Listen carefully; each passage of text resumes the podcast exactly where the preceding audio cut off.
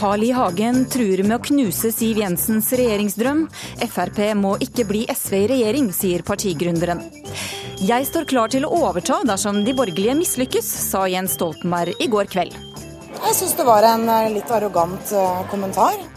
Og Grete Knudsens slag under beltestedet og Twitter-meldingene til Erna Solbergs mann er noe av det som står igjen etter valgkampen, mener Svein Tore Bergestuen. Velkommen til ukeslutt i NRK P1 og P2 denne siste dagen i valgkampen. Jeg heter Elisabeth Onsum. Om litt så skal vi høre hva Siv Jensen mener om at Carl I. Hagen har utnevnt seg selv til en eh, sensor for eventuelle regjeringsforhandlinger med de andre borgerlige partiene. Men først sitter kollega Vidar Eidhammer klar med nyhetene. To personer omkom og to andre ble skadd i ei trafikkulykke på rv. 9 i Aust-Agder i dag. En bil kjørte av veien ved Moisund i Evje og Hornnes. De skadde er sendt til sykehus med ambulanse og luftambulanse. Politiet fikk melding om ulykka like etter klokka 11. I Australia har den konservative opposisjonen vunnet valget. Det opplyser den australske rikskringkasteren. Høyresida, leia av Tony Abbott, ser ut til å få over 90 av de 150 setene i nasjonalforsamlinga. En parlamentariker i det regjerende Arbeiderpartiet vedgår at partiet har tapt valget. Arbeiderpartiet har styrt Australia i seks år. Flere sykepleierstudenter som har tatt utdanninga i utlandet, har fått avslag på søknaden om å bli autorisert i Norge. Etter mye kritikk setter styresmaktene inn hastetiltak, og nå får flere enn 1000 studenter saka si vurdert på nytt. Statssekretær i Helsedepartementet, Robin Martin Koss, sier de har fått tilbakemeldinger på at regelverket har vært uklart, og at de får rydde opp for at alle skal få en forutsigbar behandling. Natur og Ungdom vil i dag henge opp et banner på bygget til Fremskrittspartiet, der Fremskrittspartiet har sitt hovedkontor i Oslo. Banneret går mot oljeboring i Lofoten, Vesterålen og Senja. Og leder i Natur og Ungdom, Silje Lundberg, vedgår at dette er en ren provokasjon. Vi mener det er på tide at eh, Frp faktisk eh, tør å komme litt fram og snakke om miljø og klima. Det er de ikke så glad i å gjøre. Så Derfor tenkte vi at vi kunne ordne det for dem. Eh, og, og gi, eh, gi, bygget deres en litt ny bekledning. En bekledning som, eh, som, som, vi i hvert fall ønsker å sette valget. Men er det en ren provokasjon mot Frp? Reporter David Voislav Krekling, og nå holder ukeslutt fram, og der skal vi høre fra Frp-leder Siv Jensen. Det skal vi. For for første gang på 40 år kan Fremskrittspartiet havne i regjering. Men i dagens VG advarer altså partigründer Carl I. Hagen mot et samarbeid med sentrumspartiene, og han legger fram en kravliste på ti punkter for Siv Jensen. Og kollega Lars Nehru Sand, du er på Karl Johan i Oslo sammen med Siv Jensen. Hva synes hun om kravene til Carl I. Hagen? Ja, Vi får se. Siv Jensen står her med valgboden og masse velgere rundt som tar bilder og vil snakke med partilederen. Og Carl I. Hagen bryr seg altså fortsatt om livsverket sitt, Siv Jensen, og tillater seg å stille krav og være selvutnevnt sensor hvis eller når Frp skal i regjeringsforhandlinger. Og ja, hva annet kan du egentlig vente en syvende far i huset? Jeg skjønner jo at han har et engasjement for et parti han har vært eh, så aktiv i så lenge. Og det han sier i dagens eh, VG er jo i grunnen nesten det samme som jeg har sagt i hele valgkampen. Nemlig at det er viktig med et sterkt Fremskrittsparti, for det er bare da vi kan få satt et eh, godt fotavtrykk i en ny regjering. Han som deg er opptatt av å unngå det mange kaller SV-fella, altså at regjeringsinnsettelse blir starten på en lang nedtur. Hvordan skal du hindre det? Som jeg har sagt mange ganger i denne valgkampen, det handler om Fremskrittspartiets oppslutning. Jo flere velgere vi har i ryggen, jo mer gjennomslag vil vi få. Så handler det om å forankre de beslutningene vi tar i hele partiet. Slik at de er innforstått med og står bak de beslutningene vi tar. Men Er det Carl I. Hagen eller Fremskrittspartiets sentralstyre i dag som skal godkjenne eventuelle regjeringsforhandlingsresultat? Det er Fremskrittspartiets landsstyre som skal godkjenne det. Eh, sentralstyret skal være Og Der sitter ikke Hagen? Der sitter han ikke, men det er til gjengjeld alle landets fylkesledere som sitter der, sammen med sentralstyret. Jeg er sikker på at de vil ta kloke valg når vi skal ta stilling til et helhetlig forhandlingsresultat. Hvis Hagen er uenig i de valgene? Så må han bare være det. Og det det er Fremskrittspartiets eh, lovlig valgte landsstyre som er det endelig besluttende organ. Det har partiet vedtatt mange ganger. Og Det må Hagen forholde seg til? Det må han forholde seg til, på lik linje med alle andre medlemmer i Fremskrittspartiet. Han tar ti krav i, eh, i, eh, i dagens VG, og de tre øverste punktene er altså eldreomsorg, handlingsregel og et bompengefritt veinett. Alle de tre punktene er egentlig avlyst av Erna Solberg allerede, så hvordan skal du nå frem? Det er vel eh, mange velgere som har fått med seg at også jeg har gitt uttrykk for betydningen av eh, bompengefrie veier, en eh, lovfestet rett til eldreomsorg og andre viktige saker i denne valgkampen. Det vi må gjøre, er først å vinne valget, bli store nok, og så får vi sette oss ned i et lukket rom med de andre ikke-sosialistiske partiene og forhandle. Hvis det blir vellykkede forhandlinger, så blir det en ny regjering hvor Fremskrittspartiet er med. Men Hvis Hagen ikke liker resultatet, hva gjør du da? Jeg skal gjøre denne jobben på vegne av det mandatet jeg har fått av Fremskrittspartiets organer, og så skal jeg forankre det i Fremskrittspartiets organer etterpå. I de regjeringsforhandlingene, vil du være tøffere enn Erna Solberg har sett for seg? Jeg tror eh, ikke det er noen tvil om, eh, eller blant norske velgere, at jeg er tøff til å forhandle. Men jeg blir bare så tøff jo flere velgere jeg har i ryggen. Så nå må folk kjenne sin besøkelsestid og gå og stemme på Fremskrittspartiet hvis de er enig med Fremskrittspartiet. Er tøff det samme som ultimativ? Tøft betyr å erkjenne at man må ha gjennomslag i viktige saker, og at man må gi noe i andre. Det er kompromissenes kunst. Og så får vi se om vi er gode forhandlere. Det vet vi først når resultatet foreligger. Og så får vi se når resultatet foreligger om Carl I. Hagen er fornøyd. Ja, takk til deg eh, i denne omgang, eh, Lars Nehru Sand. Vi kommer tilbake til deg om eh, noen minutter, for da skal det være en pressekonferanse for de borgerlige partiene i Spikersuppa. Men før det så skal vi til Lillestrøm, for der driver statsministeren valgkamp, Bjørn Bø. Jeg skjønner han er ikke helt på plass ennå, men, men hva er det som skjer der nå? Ja, Det er rett og slett at statsministeren er kanskje i ferd med å avslutte en appell som har drygt lenger ut enn det en kunne vente her. Eh, han eh, virker offensiv i valgkampinnspurten her på Lillestrøm. blant Eh, ja, gladjazz, røde roser og faner og ballonger og mye folk og fint vær. Og her har det vært et slags politisk nav i dag. For litt siden var Erna Solberg her også eh, for å tale til disse mange frammøtte. Og miljøvernminister Bård Vegar Solhjell, som kjemper for sitt truga mandat i Akershus, har også vært her. Og Jens Stoltenberg altså, han er kanskje snart i ferd med å avslutte sin appell, der han sier at det slett ikke er slutt på valgkampen. For statsviterne trøster han seg med. De sier at veldig mange tar avgjørelse om partivalg i siste liten. Ja, og Stemmelokalene de stenger om 56 eh, timer, så han har jo litt tid igjen. Det er altså antagelig sånn at det fortsatt er mange tusen velgere som fortsatt ikke har bestemt seg for hvilket parti som skal få deres stemme. Og reporter Dana Vanunu, hvordan står det til med folk i Oslo sentrum? Har de bestemt seg? Ja, du, Her er det siste innspurt for politikerne til å kapre tusenvis av etternølere. Og det gjør de med kaker og kaffe, og selvfølgelig med gode slagord og løfter om et bedre Norge. Og det er folksomt her langs bodene på Karl Johan. Og jeg har fått med meg Jon, du står her med masse forskjellige partiprogram. Har du bestemt deg ennå for hva du skal stemme? Uh, ja, jeg tror det, men jeg er ikke helt i mål. Men jeg regner med at jeg vet det.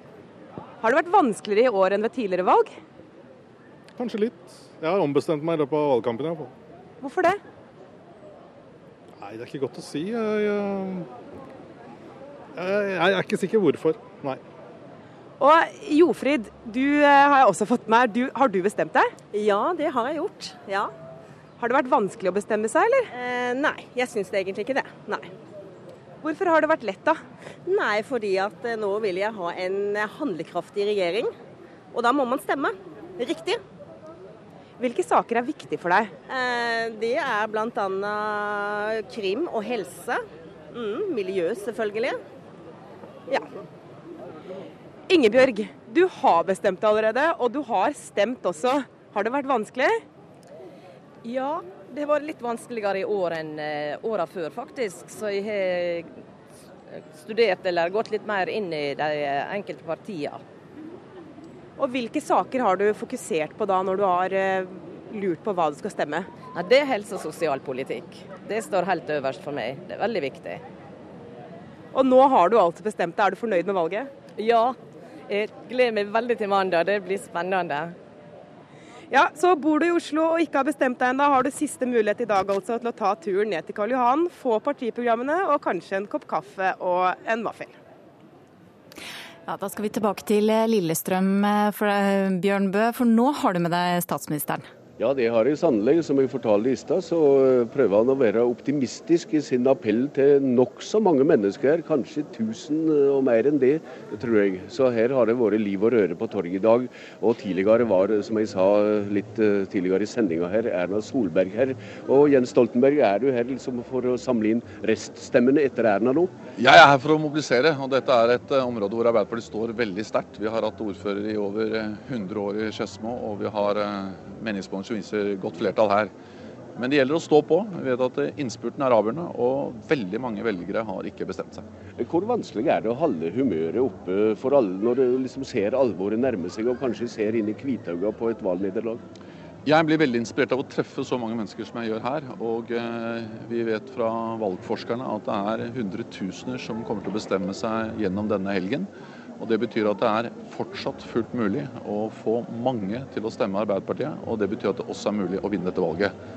I går i partilederdebatten på NRK så ordla du deg slik at oppfatninga knapt kan være annet enn at Arbeiderpartiet er klar til å overta regjeringsmakt dersom et borgerlig, eventuelt for forberedt flertall, ikke får det til. Hvor trolig er det at en slik situasjon oppstår? Vel, jeg sa at Hvis vi vinner, så danner vi regjering. Og hvis de borgerlige vinner, så er det de som bestemmer. Og de har sagt de skal danne regjering, og sagt ja til å ha Fremskrittspartiet i regjering. Så vet vi av historien fra 1986, fra 1990 og 2000 at noen ganger så ender borgerlig samarbeid i borgerlig sammenbrudd. Og Arbeiderpartiet er jo et parti som eh, alltid er beredt til å ta ansvar. Men det forutsetter at vi har en størrelse som gjør det mulig. Og det forutsetter selvfølgelig at det er en parlamentarisk situasjon som gjør det mulig.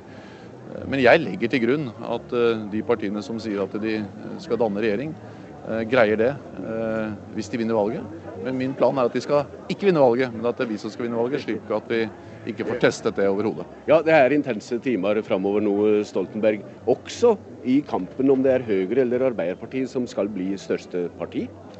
Jo større Arbeiderpartiet, jo bedre. Og ikke minst det som skjer på høyresiden nå, understreker hvor viktig det er i seg selv at Arbeiderpartiet blir stort.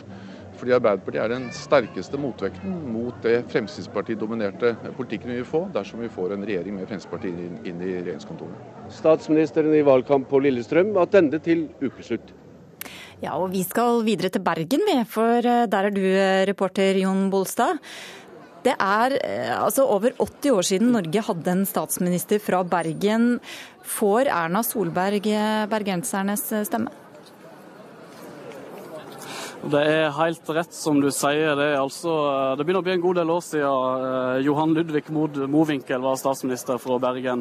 Eh, nå står jeg på Torgallmenningen her i Bergen. og det er, Selv om det er grått i været, så er det mye farger. Det er valgkampboder, og det er veldig, veldig viktig disse to siste dagene inn mot valget. Jeg står her med to og ei som ikke er helt sikker ennå. Eh, jeg kan begynne med deg, Bjørn. Er, er det Erna-feber i, i Bergen? Det virker sånn. På meningsmålingene i Bergenstiden og andre medier så ser det ut som at hun ligger veldig godt an. ja. Tror du det er Erna Solberg som er vår neste eh, Definitivt. Hvorfor det? Vel, eh, det blir jo en borgerlig regjering. Heldigvis er vi nå ferdig med de rød-grønne og skal prøve noe nytt. Eh, om det blir blå-blått eller om det blir en sentrums-høyre-regjering, det vet vi jo ikke. Men jeg er ganske så sikker på at Erna var neste statsminister. Er det viktig at statsministeren eh, kommer ifra Bergen? Nei, egentlig så betyr ikke det så veldig mye for meg, da. Som du hører så er jeg ikke fra Bergen sjøl, jeg bor i Bergen og bor der i ganske mange år. Men eh, det er klart at det skader jo ikke. Eh, som målingene til NRK viste i går kveld, så, så er Arbeiderpartiet det største partiet, men det viste òg at borgerlig Nei, jeg er ikke det. Jeg syns det er vanskelig, rett og slett. Hva som er vanskelig? Å velge side. Jeg syns eh, alle har noen gode poeng, og alle har noen dårlige poeng. En annen ting som er, det er en annen ting som er viktig, og også spennende om Audun Lysbakken kommer seg inn for S. Ja, Vi har dessverre litt problemer med linja som dere hører til Bergen, så vi reiser nordover til Tromsø. Der er du, Lars Egil Mogård. Er folk der klar for å ta et valg? Ja, det tror jeg kan si. fordi det er mye folk i Storgata. og Ti av de 15 partiene som stiller til valg i Troms fylke, de har stand her i, i, i gågata. Og Katarina Traning, du er førstegangsvelger. Eh, hvordan er det å gå nå gjennom Storgata med alle disse partiene som uh, forsøker å påtvinge det materiell? Ja, jeg syns det er spennende. Masse engasjerte folk overalt som har lyst til å sanke stemmer. Så jeg syns det er veldig OK. Har du bestemt deg hva du vil stemme på? Ja, jeg har det. Vi har hatt skoledebatt, og så har jeg fulgt litt med på TV, så nå har jeg bestemt meg, ja. Eh, du har mor di ved din side her, eh, Nadia Tranning. Eh, hvordan er det å gå og spisse oppgang mellom de her politiske utsalgsstedene og bodene? Akkurat i dag så har jeg takka nei til alle brosjyrene, for jeg, jeg, har bestemt meg, jeg òg. Men jeg syns det er veldig spennende. Man blir smittet av eh, folkets engasjement og engasjementet til de lokale politikerne og eh, politikerne som eventuelt er kommet fra Oslo. Og jeg syns at det er veldig fint at de står her, og det er sikkert masse folk som ennå ikke har bestemt seg for hva eh, de skal stemme. Så sånn sett er innspurten viktig, tror du? Ja, jeg tror det. Det er veldig viktig. Ja. ja det var Nadia Tranning. og eh, den politiske situasjonen i Troms fylke er jo veldig spennende. Eh, det ser jo ut som at Martin Henriksen og Tove Karoline Knutsen fra Arbeiderpartiet er sikra fast plass i de neste fire årene. Likeså Øyvind Korsberg fra Fremskrittspartiet og Elisabeth Aspaker fra Høyre.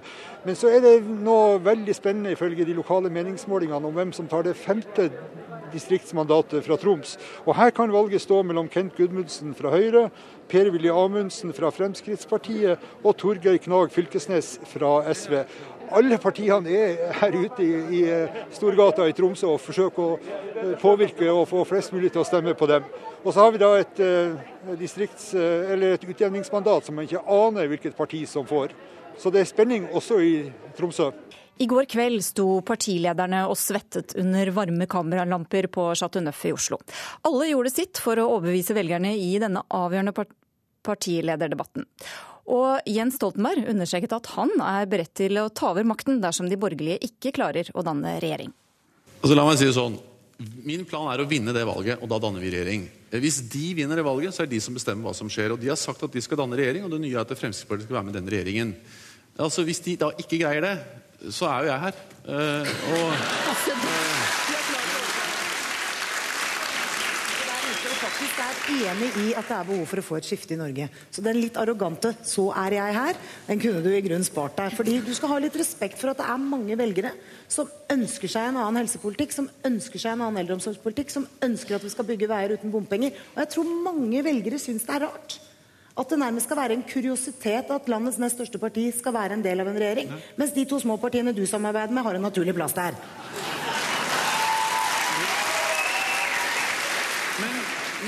Jens Stoltenberg sa at han var klar til å ta over hvis det ikke fikk det til. Hva syns du om det?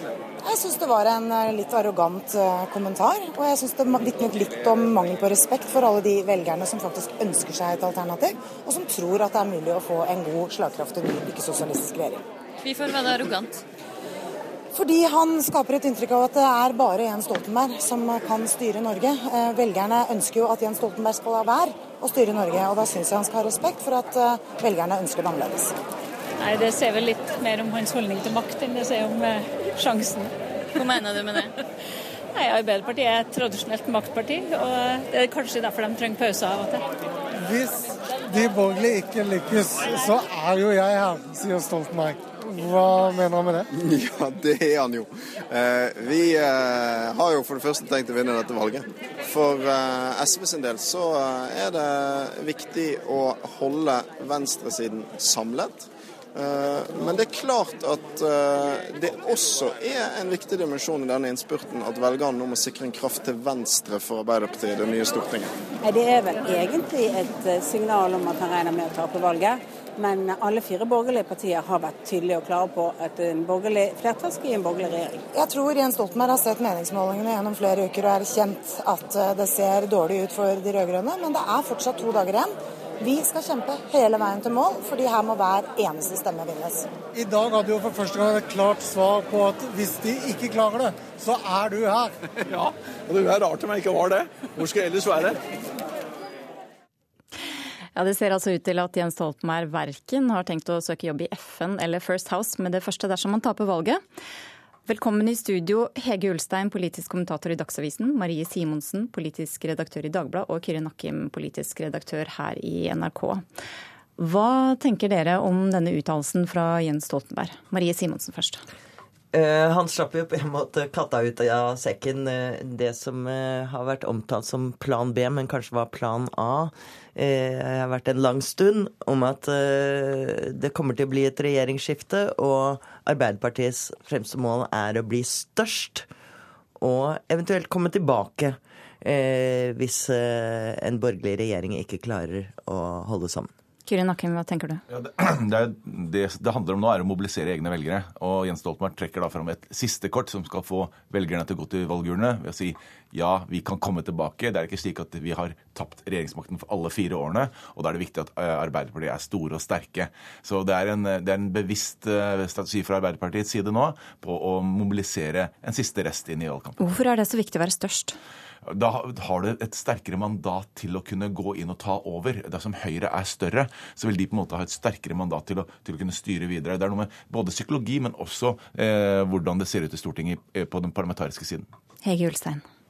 Ja, jeg tror det er helt riktig, og det er åpenbart helt bevisst også. Vi hører jo at eh, Jens gjentar det nesten ordrett i intervjuet i dag. Og sånn som de tenker i Arbeiderpartiet, så ser de at hvis velgerne skjønner at det er viktig for dem å bli størst, og at det kan få betydning senere i perioden, kanskje ikke rett etter valget, så er det viktig nok til at de får mobilisert eh, de de trenger for å mobilisere for å nå det målet om å bli størst. Mm. Som vi nevnte litt tidligere, så pågår det en pressekonferanse i Spikersuppa hvor de borgerlige partiene holder denne pressekonferansen. Og eh, Lars Nehru Sand, du er der, og du står der også sammen med Erna Solberg. Det gjør jeg. Her er det blå himmel og fire blå, eh, gule og grønne partiledere som eh, ser frem til valget på mandag. Eh, Erna Solberg har kledd seg med buttons med hashtag ny regjering. Og det den nye kanskje da, regjeringen har lovet i dag, er at alle skal få rusbehandling eh, som venter i kø. Det er over 2200 mennesker som står i rusbehandlingskø. Og regjeringen, eller en ny regjering vil ta i bruk alle mulige eh, plasser for å få unna behandlingskøene. Hva er det dere vil gjøre, Erna Solberg? Vi vil sørge for at når folk har vært til avrusning eh, og skal videre til behandling, så skal behandlingsplassene være der. Og Det første vi skal gjøre er rett og slett å kjøpe de behandlingsplassene som finnes, som er av god nok kvalitet, men som finnes og som har vært truet med eller allerede er blitt nedlagt. Det er dessverre for mange både rene rusplasser som er nedlagt eller er truet under nedleggelse, og det er for mange av de krysspunktene mellom rus og psykisk helsevern som er truet. Men hvor mye vil dette koste? Nei, Dette kommer til å koste Vi har jo lagt inn 300-400 millioner kroner i våre alternative budsjetter. Det kan være at vi kommer opp i en sånn sum, men det vet vi jo ikke før vi har lagt ut anbud og spurt hva har dere å tilby oss. Men det er ikke nettopp anbudsregimet som gjør at mange plasser står i fare for å bli nedlagt, som du sier, nettopp fordi man ikke har langsiktige avtaler over mange år som skaper trygghet for eierne? Nei, det er fordi man har for lite som man kjøper, at noen plasser ikke blir brukt. Vi mener at det er kvalitetskriteriene som skal gjelde, og så skal vi sørge for at når behovet er der, så kjøper vi nok plasser. Hvor er det dagens regjering har sviktet på dette punktet? Jeg vet at de har kjøpt for lite plasser, de er nedlagte, og de tror for mye på kortsiktig behandling. Derfor er det sånn at rus, uh, rusmisbrukernes egne organisasjoner sa i høring i Stortinget før sommeren at aldri har så mange fått så lite behandling. Eh, det kan i statistikken si at mange får behandling, men hvis de får så lite at det ikke hjelper, ja, da er det egentlig bare bortkastede penger. Du, jeg vet at du helst vil snakke om rusavhengige i dag, men bare likevel.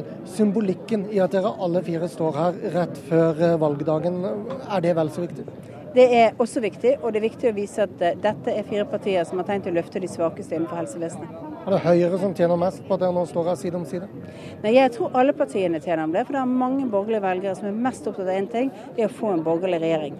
Det som i hvert fall er sikkert er at Rundt her er det mange velgere akkurat nå. Og Erna Solberg og de tre andre partilederne som ønsker regjeringsskifte, har nettopp avsluttet avsluttet å nå og snakke med velgere, bli tatt bilder, snakke med pressen osv. her i Spikersuppa i Oslo.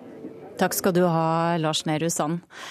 Marie Simonsen, eh, var dette felles eh, borgerlig politikk, eller var det mest symbolikk?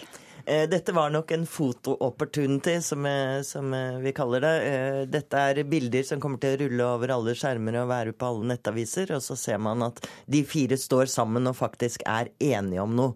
Så det kan jo være symboltungt på, slik på tampen. Rusomsorg har vært et overraskende sentralt tema i denne valgkampen, faktisk. Så, så det er noe særlig Frp har vært engasjert i. Eh, men det er jo ikke en stor sak, så det er først og fremst for å vise at, at de står samlet. Ja, hvorfor velger de nettopp rusomsorg? Eh, jo, eh, det er to grunner til det. Det ene er at de får vist en myk side i politikken. Det er aldri dårlig å gjøre det, å vise omsorg. Men det andre, og det tror jeg er viktigst, er dette var ingen kontroversiell sak mellom de fire partiene. Her var det lett å bli enig. Man kunne bare, bare ta partiprogrammene, legge de oppå hverandre og komme med et utspill. Så igjen, det er ikke politikken som var det viktigste her. Her var det det å vise fram at de kunne stå sammen, fire stykker, bare noen dager før valget, eh, og, og derved da mm, vise at Jens Stoltenberg tar feil når han sier det blir kaos på borgerlig side. Mm. Tror du de oppnår det, Heggelstein?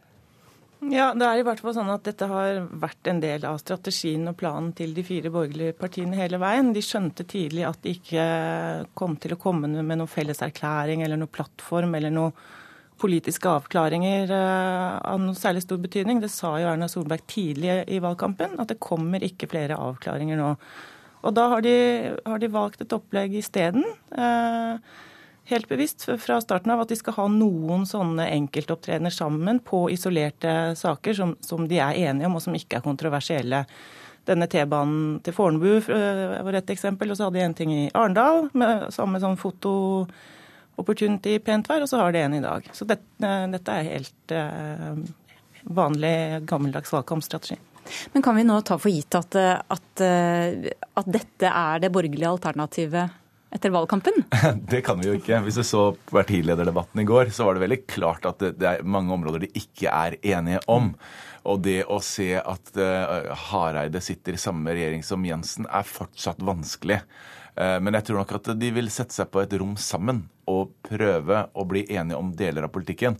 Og så får vi se hvem som som forlater rommet først. Eh, men jeg tror ikke at Erna Solberg sitter der med alle fire til slutt, nei. Nei, man ser jo I dag så har jo Carl I. Hagen kommet med et uh, morsomt mm. utspill uh, hvor han stiller knallharde krav for uh, hva som må til for at Frp skal inn i regjering. Og det er jo liksom for å forberede disse forhandlingene, som kan bli beinharde. Frp er jo redde for å gå i SV-fella selv om de benekter det, de, eh, at de ikke skal få nok gjennomslag.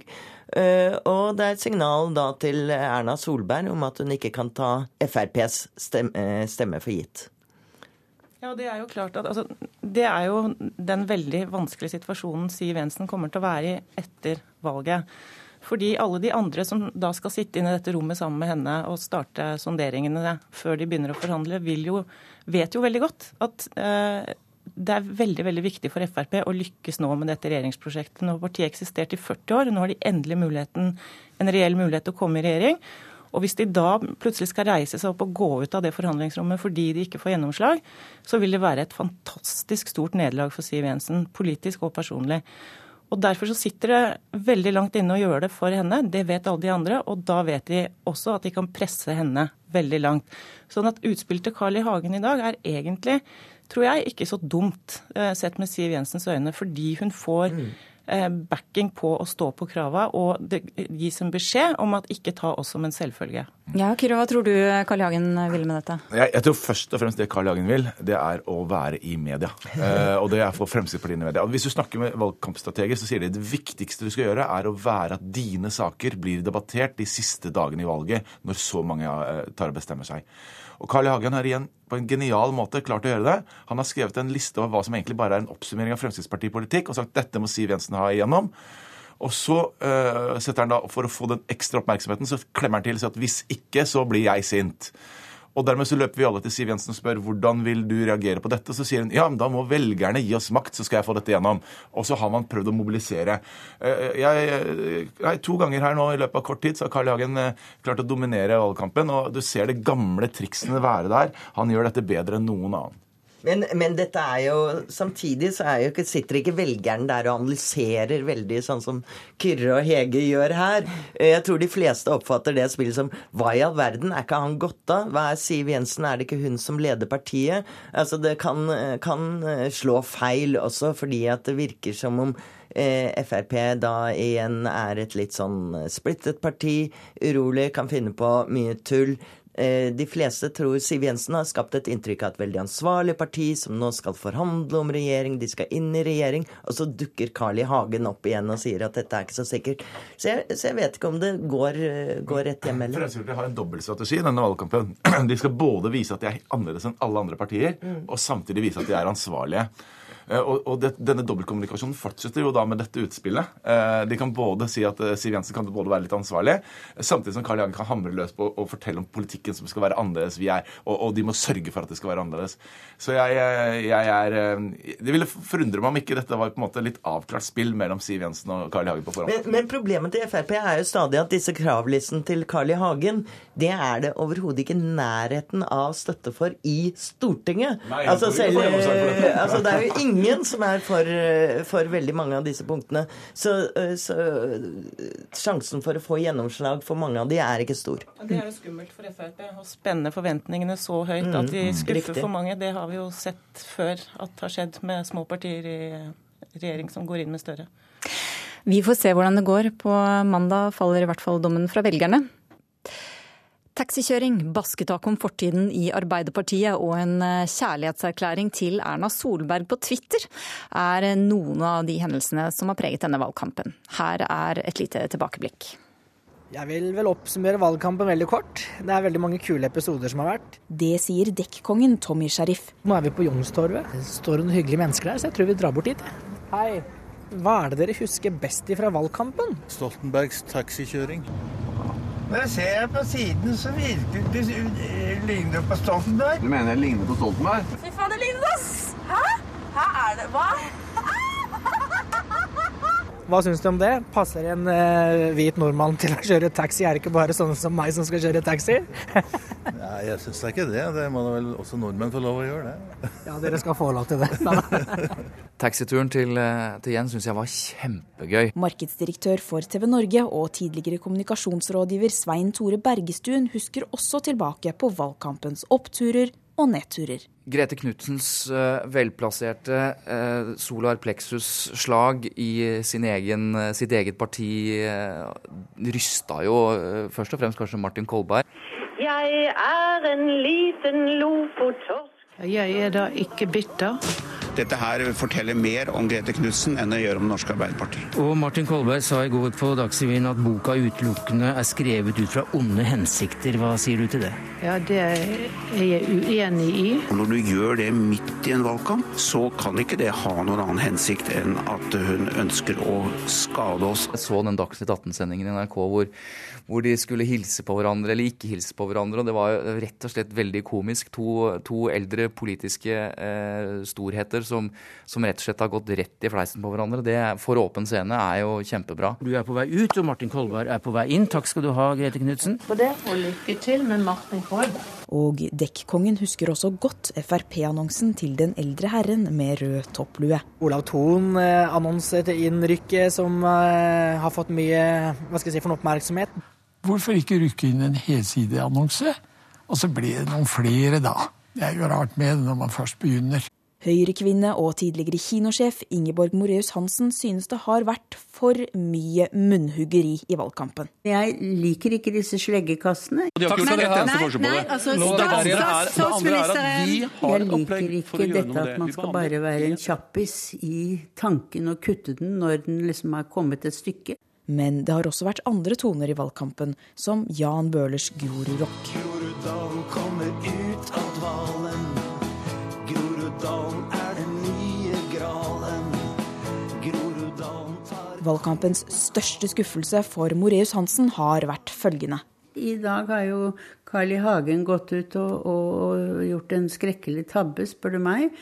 Jeg trodde jo at Siv Jensen hadde engasjert han i Skal vi danse, ja, for at han skulle være så opptatt med det at han ikke skulle drive noe politikk. Men han greier begge deler, tydeligvis. Det var i dag om, om dette mordet i Ålesund. Som da var pga. den sittende regjering. Markedsdirektør Bergestuen er mest skuffet over SV i valgkampen. SV har vel i altfor stor grad bare fortsatt og fortsatt på det samme, istedenfor å gå et skritt tilbake. En viss ærlighet, en viss selverkjennelse syns jeg har manglet. Men litt selverkjennelse var det vel å spore på pressekonferansen der SV tryglet velgerne om ikke å forlate partiet? Nå er spørsmålet om det fortsatt skal finnes et SV der i, uh, i uh, framtiden. Hjertet mitt banker innmari hardt, nettopp for å kunne fortsette i et sånt parti. Også på borgerlig side har kjærligheten blomstret i valgkampen, minnes Bergestuen. Jeg syns jo det var eh, utrolig søtt eh, da mannen til Erna bare rett og slett ikke klarte å styre seg. Eh, og, det, og, det, er mulig det var det det var, som han sa det var. En kjærlighetserklæring til, til kona. Eh, han, han, gikk rett og slett av skaftet da han syntes Ingen Solheim i, i NRK var litt skarp mot, uh, og urettferdig mot, mot, kona. Det var debatten i valgstudio med programleder Ingunn Solheim som fikk det til å renne over for Finnes i går. På Twitter skrev han annet blir dette en ny NRK-debatt uten et eneste kritisk spørsmål til regjeringen? Og tror noen ansvarlige i NRK bør vurdere om Ingunn Solheim skal få permisjon i resten av valgkampen. Sitatene er nå fjernet fra Twitter. Latter har det også vært i valgkampen, og Knut Arild Hareide har røpet at han lærte humoren av Bedehus-Norge. Og for å si Det sånn, eh, det er en så genial løsning KrF har. Jeg har ikke møtt en eneste taxisjåfør som er uenig i den eh, løsningen.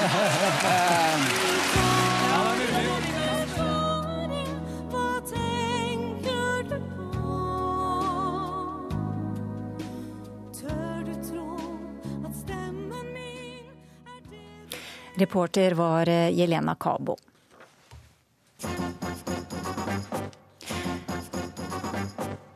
Ungdom har eh, tradisjonelt stemt mer radikalt enn eh, voksne. Men i år var det for første gang Høyre som gikk av med seieren ved skolevalget, og fløypartiene fikk mye mindre oppslutning enn vanlig. Ungdom blir voksne mye tidligere enn før, ifølge forskere. Ukeslutt ble med hjem til en familie hvor sønnen i huset er førstegangsvelger, og stemmer det samme som sin far. Har det samme alle sammen? Ja, det samme. Å, nei, Didrik Devan lager i stand kveldste sammen med faren sin hjemme i eneboligen i Asker. Jeg har hørt at vi er ganske like. Faren er fra India, men moren er norsk. På mandag skal han for første gang gå til stemmelokalet for å avgi sin borgerplikt. Ja, jeg stemmer det samme som faren min. Som er Høyre? Som, ja. Jeg er glad for det, det må jeg si. det er jeg virkelig. Det at Unge Høyre denne uken ble det største partiet i skolevalget, viser en ny tendens, sier forsker ved Institutt for samfunnsforskning Guro Ødegård. Ungdommer stemmer mer som de voksne. Dagens ungdom framstår som relativt sånn konforme. At det de ligner foreldrene sine i overraskende grad når det gjelder politisk holdning og handlingsmønster, på et vis det har jo noe med tendensen i samfunnet generelt, tenker jeg. Vi, vi har jo veldig like verdier ofte, eh, den unge generasjonen og den eldre, men så er det jo andre saker som er ganske, ganske forskjellige. Unge i dag opplever et enormt press for å være vellykkede og ta høy utdanning, mener Ødegård. Unge bruker ungdomstida si som et prosjekt, ikke til opprør og løsrivelse fra voksne foreldre og autoriteter, men på å kvalifisere seg til voksenlivet som skal komme. Didrik tror at dette har påvirkning på hva de unge stemmer. Det kan være en faktor som påvirker spesielt unge til å, til å stemme på et av de trygge partiene, partiene de er kjent med. Vil du kjenne deg igjen i at du tilhører generasjon lydig? En generasjon som er den streiteste, minst politisk opprørske generasjonen vi har hatt i norsk etterkrigstid? Det spørsmålet stiller postdoktor i sosiologi Gunnar Åkvåg, en tilfeldig student på Universitetet i Oslo. Altså jeg kommer altså Det er jo helt personlig tilfelle. da, At jeg kommer fra en familie med to foreldre som er de streiteste menneskene jeg vet om. Som engasjert samfunnsborger mener Åkvåg at dagens ungdomsgenerasjon er for lydige. Og at det kan være en av årsakene til at de stemmer mer likt som de voksne. Slik at Denne generasjonen er en veldig veldig lydig generasjon som ikke lager noe bråk, og som mer eller mindre uten å gjøre motstand, lar seg suge opp av samfunnet. Aksel M er 20 år gammel og fersk student. Det er ikke pga. vi er lydige eller streite nødvendigvis at vi ikke gjør noe opprør. Det er, bare, det er jo bare det at strengt at du skal være ganske sutrete for å ha noe å gjøre opprør for i det norske samfunnet i dag, da. Men, men din generasjon er vel preget av at på den ene siden så er det ingen generasjon i Norge noensinne som har hatt det så godt. Så vi, både dere som generasjon og vi andre, trenger at dere gjør, et, gjør en større innsats enn dere tilsynelatende gjør nå. Ja, det er jeg helt enig i. Vi kan bare mate vår hverdag med alt mulig annet rart enn f.eks. å gå rundt omkring og si til folk at hei, hei, redd regnskogen, liksom. Ok, nå skal vi se her, da. Det er jo Forlegger og forfatter Anders Heger sitter på kontoret sitt i Cappelen Dams lokaler og blar igjennom gamle blader fra da han var ung student. Her ser du liksom den eh, typiske, nesten sånn klisjébilde av engasjert ungdom på, på, på Det er mot slutten av 70-tallet, dette her. Eh, du ser, det er meg. Eh, jeg går på Karl Johan, og jeg går med en gammel barnevogn som er smekkfull av eh, blader, løpesedler, aviser. Heger var en del av venstresiden som ønsket å forandre samfunnet. Den gang var ungdommen mer radikal og gjorde mer opprør enn i dag. Vi gjorde jo dette hele tiden. Det er liksom den typiske yrkesdemonstranten, som vi ble kalt. Og det er riktig, det var en, det var en fulltidsbeskjeftigelse. Det var noe vi holdt på med hele tiden. Uh, ja. En veldig naiv og veldig forenklet tro på at hvis vi bare liksom tar oss sammen og gjør en masse, så klarer vi å endre dette samfunnet. For ei ny tid er.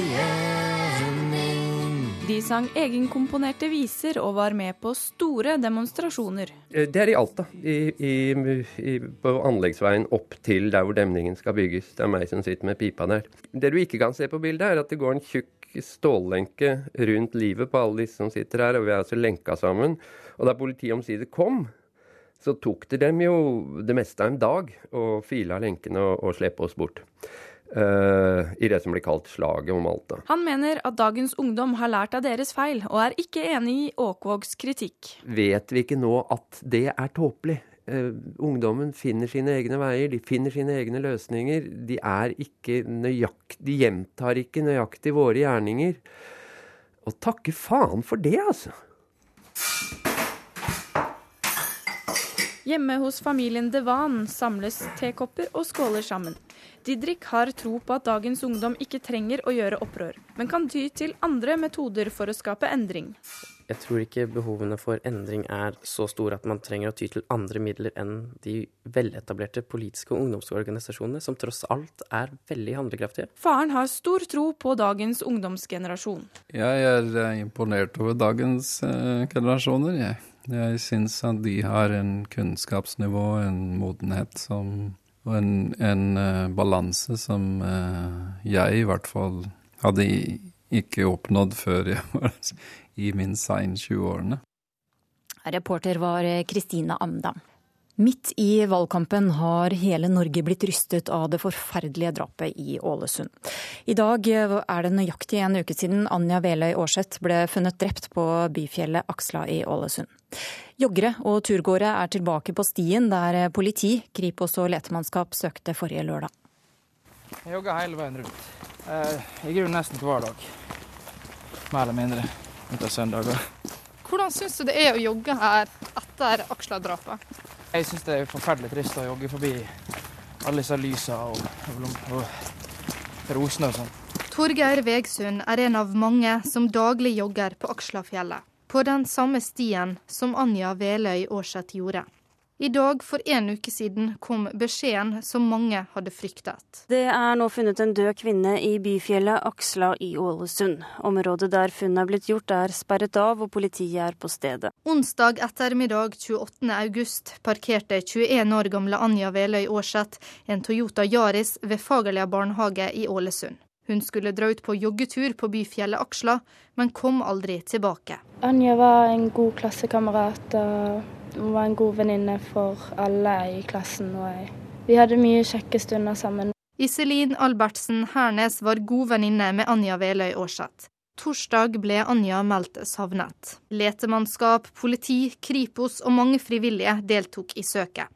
Lørdag 31. august kom politiet med beskjeden. Og alt tyder på at vi står overfor en kriminell handling. Politiet bekreftet mandag denne uken at den drepte kvinnen var Anja Veløy Aarseth. Politiet satte i gang med å innhente DNA-prøver fra alle menn som hadde vært i området rundt funnstedet.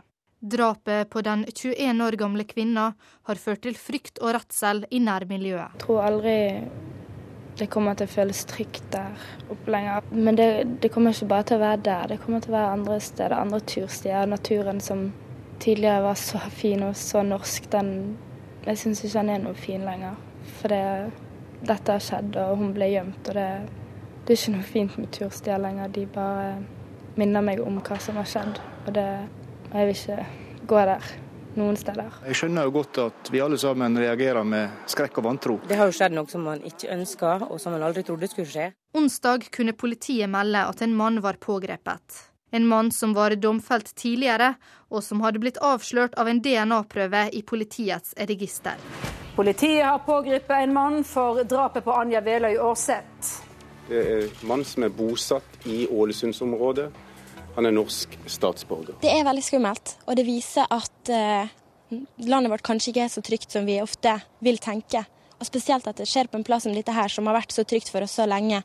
Vi har brukt plassen siden vi var barn begge to, og trener her flere ganger i uka. Den pågrepne 23-åringen er siktet for seksuelt misbruk og kvelning. Forsvareren sier 23-åringen har erkjent misbruket og drapet, men ikke straffskyld. Einar Råen er familiens bistandsadvokat. Det er en sjokkpreget sorg etter dette, det som har skjedd. Først forsvinningen, så opplysningen om at hun er funnet drept. Og så flere opplysninger om selve drapshandlingen og forutgående overgrep. I går under fengslingsmøtet ble det bestemt at den tiltalte mannen varetektsfengsles i åtte uker, der to uker er i isolasjon.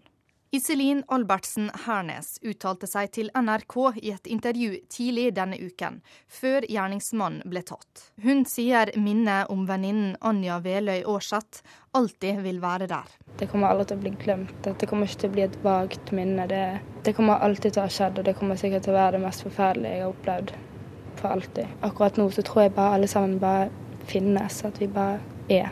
Det er ikke noe mer enn det, egentlig. Reporter i Ålesund var eh, Maria Kristina Vevang. Og nå sitter du klar med været, Christian Gislefoss. Det gjør jeg, og vi begynner med temperaturutsiktene. På Spitsbergen og i Norge uendret eller litt høyere temperatur kommende døgn. Så et værvarsel som gjelder til i morgen klokka 24. Fjell i Sør-Norge. Sørøstlig frisk bris utsatte steder. For det meste oppholdsvær. Søndag sørøstlig frisk bris utsatte steder. Liten kuling utsatte steder i sør. Litt regn først på dagen i Langfjella, ellers opphold og dels sol. Østlandet sørøstlig bris, opphold og perioder med sol, men mulighet for lokal morgentåke. Telemark østlig bris i dag og først på søndag kan hende enkelte regnbyger lengst vest, ellers oppholdsvær, og det vil være uttrykk for torden i forbindelse med bygene. Agder østlig bris fra i kveld nordøstlig frisk bris på kysten. Enkelte regnbyger, uttrykk for torden. Søndag østlig frisk bris på kysten, etter hvert en liten til stiv kuling vest for Oksøy. Stort sett opphold og perioder med sol. Rogaland sørøst frisk bris, enkelte regnbyger, uttrykk for torden. Fra søndag formiddag østlig frisk bris på kysten sør for Obrestad. Og enkelte regnbyger i ytre strøk, ellers opphold og perioder med sol. Hordaland og Sogn og Fjordane sørøst bris, enkelte regnbyger. Fra søndag ettermiddag østlig frisk bris utsatte steder. Stort sett oppholdsvær og perioder med sol. Møre og Romsdal og Trøndelag skiftende bris om ettermiddagen, nordøst opp i frisk bris på kysten. Enkelte regnbyger. I indre strøk av Sør-Trøndelag oppholdsvær og noe sol. Fra søndag formiddag for det meste pent vær. Helgeland, Saltfjellet, Salten og Ofoten skiftende bris, oppholdsvær. Lofoten og Vesterålen Sørvestlig frisk bris utsatte steder. I ettermiddag liten kuling i nord, etter hvert oppholdsvær. Søndag skiftende bris og mye pent vær. Troms sørvestlig liten kuling utsatte steder. På kysten stiv kuling. Søndag skiftende bris, etter hvert oppholdsvær. Finnmark vestlig liten kuling utsatte steder. På kysten stiv kuling. Det blir noen regnbyger. Søndag etter hvert vestlig frisk bris og oppholdsvær. Og til slutt Nordensjøland på Spitsbergen. Sørvestlig frisk bris utsatte steder og spredte regnbyger. Ukeslutt er eh, slutt, og gjengen som takker for følget er Aksel Wilhelm Due, Karl Johan Rimstad, Tove Nilsen Søtorp. Jeg heter Elisabeth Onsum.